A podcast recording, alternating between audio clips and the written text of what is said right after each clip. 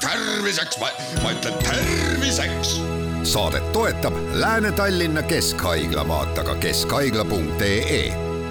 tere, head Kuku kuulajad, eetris on saade Terviseks ja kui me eile rääkisime sooleinfektsiooni haigustest, siis tänasel teemal jätkame. mina olen Ingela Virkus ja koos minuga on stuudios Lääne-Tallinna Keskhaigla infektsioonhaiguste arst Pille Märtin, tere taas! tere! No viimastel aastatel pööratakse kätepesule ja hügieenile nii palju rohkem tähelepanu, mistõttu võiks ju eeldada, et äh, siis ka sellised sooleinfektsioonhaigused on harvemaks jäänud või, äh, või kuidas teile tundub? Viimase kahe aasta sees on neid natukene vähemaks jäänud tõepoolest, et meil on olnud kaks aastat perioodi, kus käte antiseptikumid, kätepesu on olnud väga tõsiselt fookuses. nii avalikkuses kui ka võib-olla eraelus, aga neid siiski leidub ja ei ole nad kuhugile kadunud, et ähm, nii viirus kui bakternakkused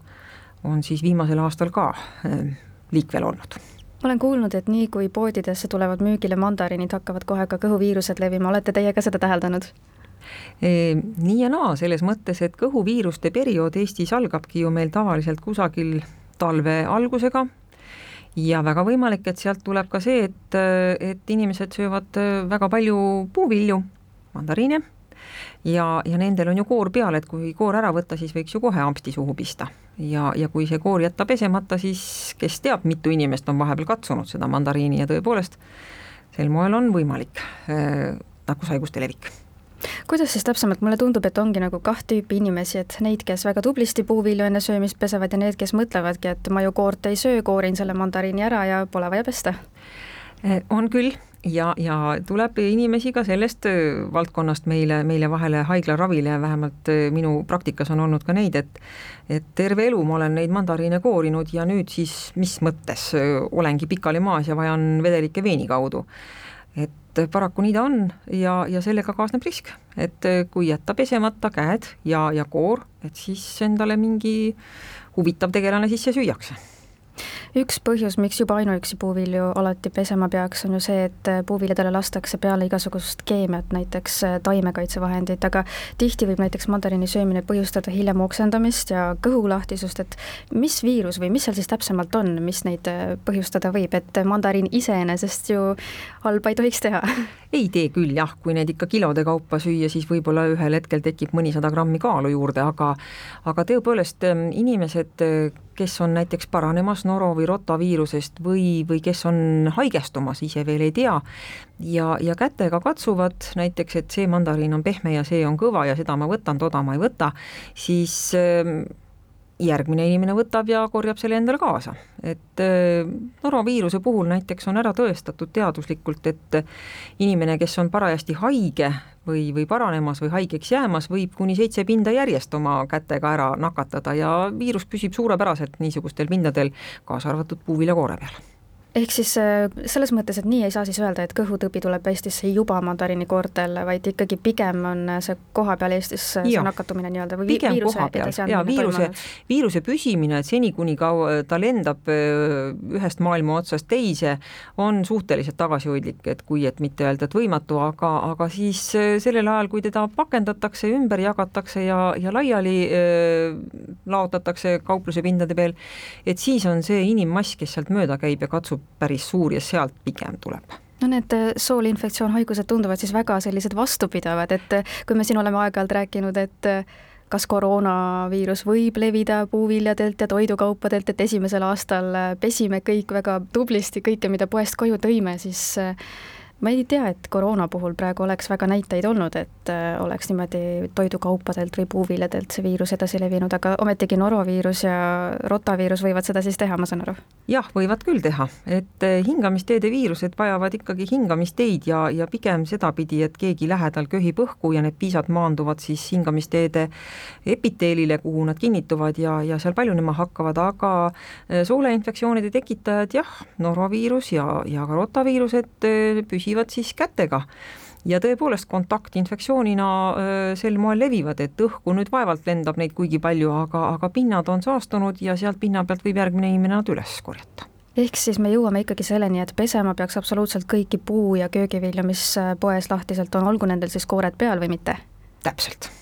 kuidas siis mandariine ja köögivilju üldiselt pesema peaks, et kas piisab, kui need lihtsalt kiiresti sooja vee alt äh, läbi lasta?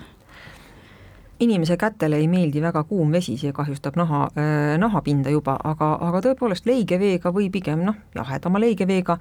ja, ja korralikult loputada, mitte sel moel, et lipsti kraani alla ja viuhti suhu, aga natukene pühendada aega sellele loputamisele, et tegelikult ka need äh, kemikaalid, pestitsiidid, mis iganes jäägid sinna peale on jäänud, täpselt samamoodi eemalduvad ka need kaitsekihid sealt pealt,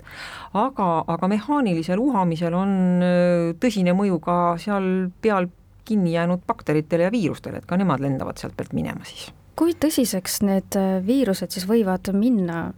kui inimene otsustab, et ei, ma ei hakka seda mandariini nüüd pesema, koorin ära ja söön selle lihtsalt ära, et mis ja, ma siin hakkan. üks kord ei juhtu midagi, teine kord ei juhtu midagi, kümme korda ei juhtu midagi, üheteistkümnendal korral juhtub, et ega siin ei saa ju näppu peale panna, et kuule, et vaata, et see on selline või, või, või teistmoodi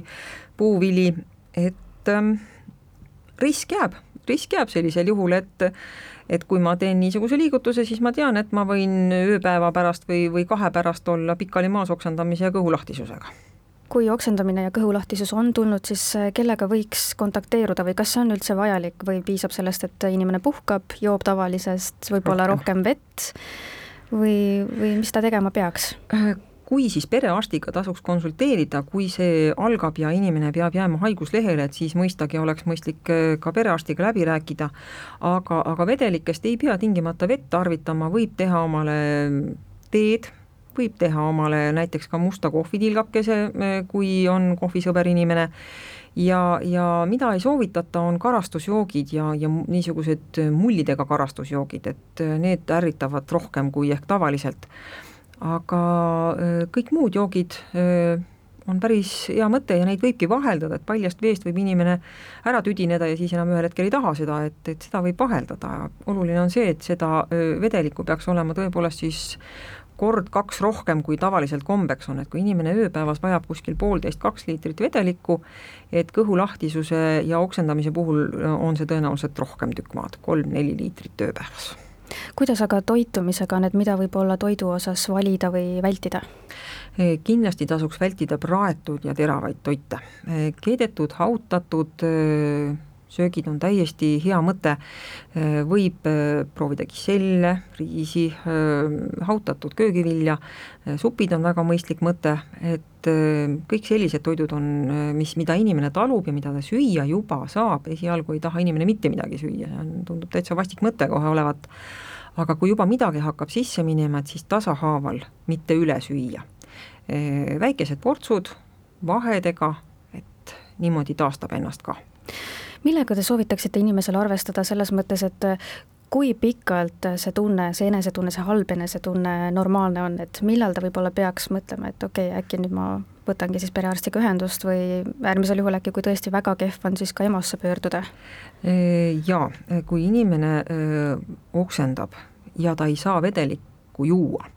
Või see vähenegi, mida ta proovib juua, välja tuleb, et siis on kindlasti targem pöörduda kohe kas perearsti juurde või, või, või siis EMO-sse. Ja, ja, ja minu praktikas on nad tulnud ka otse ise nakkushaiglasse, kus siis arst vaatab üle ja, ja hindab, milline tema seisund võiks olla, aga jah, esimene etapp võiks olla siis perearsti juurde, et see on nüüd tõsine moment, et kui juua ei saa, siis vedelikupuuduse tekkimisel inimene näiteks, kui ta ei pissi ka enam, et see on veel üks äh, selline tõsisem märk ja, ja kõhulahtisuse puhul, kui ta ikka ei, ei, ei saa sealt poti pealt püsti ja minema ja, ja see on nii sage, et ka sellisel juhul tasub pöörduda kindlasti arsti juurde ja anda märku, et äh, oma jõududega siin küll hakkama ei saa. aga mis siis edasi tehakse, et ähm, mis ravi võib-olla arst määrab või, või mis üldse saab? Arst äh, tõenäoliselt esmaselt äh, hindab inimese kliinilist seisundit, vaatab, milline tema vedeliku puuduse aste võiks olla. siis äh, määratakse analüüsid, et vaadata, kas meil on elektrolüütide puudus, näiteks ka glükoosi puudus juba tekkinud organismis.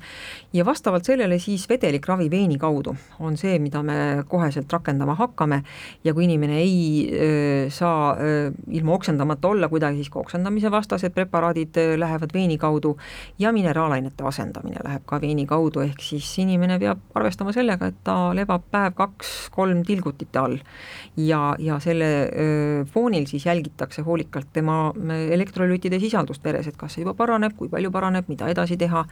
ja, ja jälgitakse, kas ta saab siis hakata ka suu kaudu sööma-jooma ehk siis, et kõike seda vältida, siis lihtsalt äh, kätehügieen ja kõik see on väga-väga oluline. kindlasti aitäh teile saatesse tulemast ja nõu andmast, Lääne-Tallinna Keskhaigla infektsioonhaiguste arst Pille Märtin ning palju jõudu ja jaksu teile! aitäh teile!